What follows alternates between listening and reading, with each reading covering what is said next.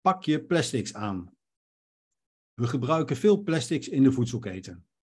Dat is niet goed voor het klimaat en het milieu, omdat voor de vorming aardolie nodig is en omdat het bijna niet afbreekt en zo de wereld vervuilt. Denk maar eens aan de plastic soep in de oceaan.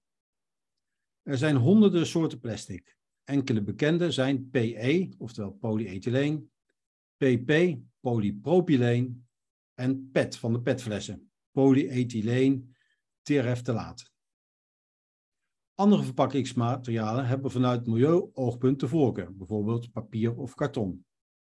Alleen plastics zijn veel aantrekkelijker door een uitstekende barrièrefunctie en hun lage gewicht en prijs. In plaats van steeds nieuwe plastics maken, zou recyclen van plastics dan al een verbetering zijn. Dit gebeurt echt, echter heel weinig.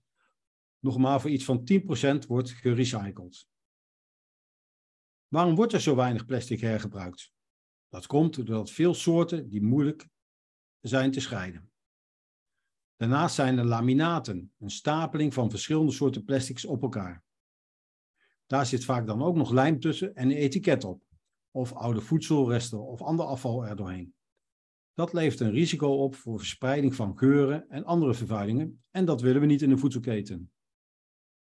De truc is dan ook om meer dezelfde soorten plastics te verzamelen, zodat vervuiling met andere plastics in ieder geval is gereduceerd. Het statiegeld op petflessen werkt zo ideaal. Eén soort plastic waarvan we weten wat erin heeft gezeten, bijvoorbeeld drank.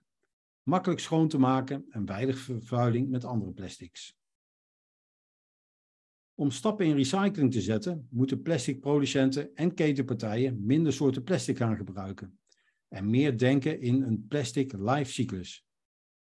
Hoe kan je je verpakkingsmateriaal weer verzamelen en hergebruiken?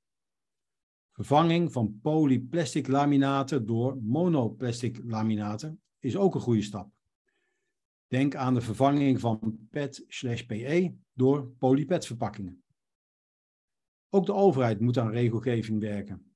De eis dat bijvoorbeeld alleen 100% zuiver PP in de voedselverpakking gebruikt mag worden, is niet werkbaar als je met recycling gaat werken.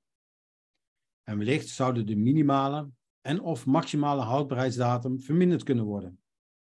Er is dus werk aan de winkel.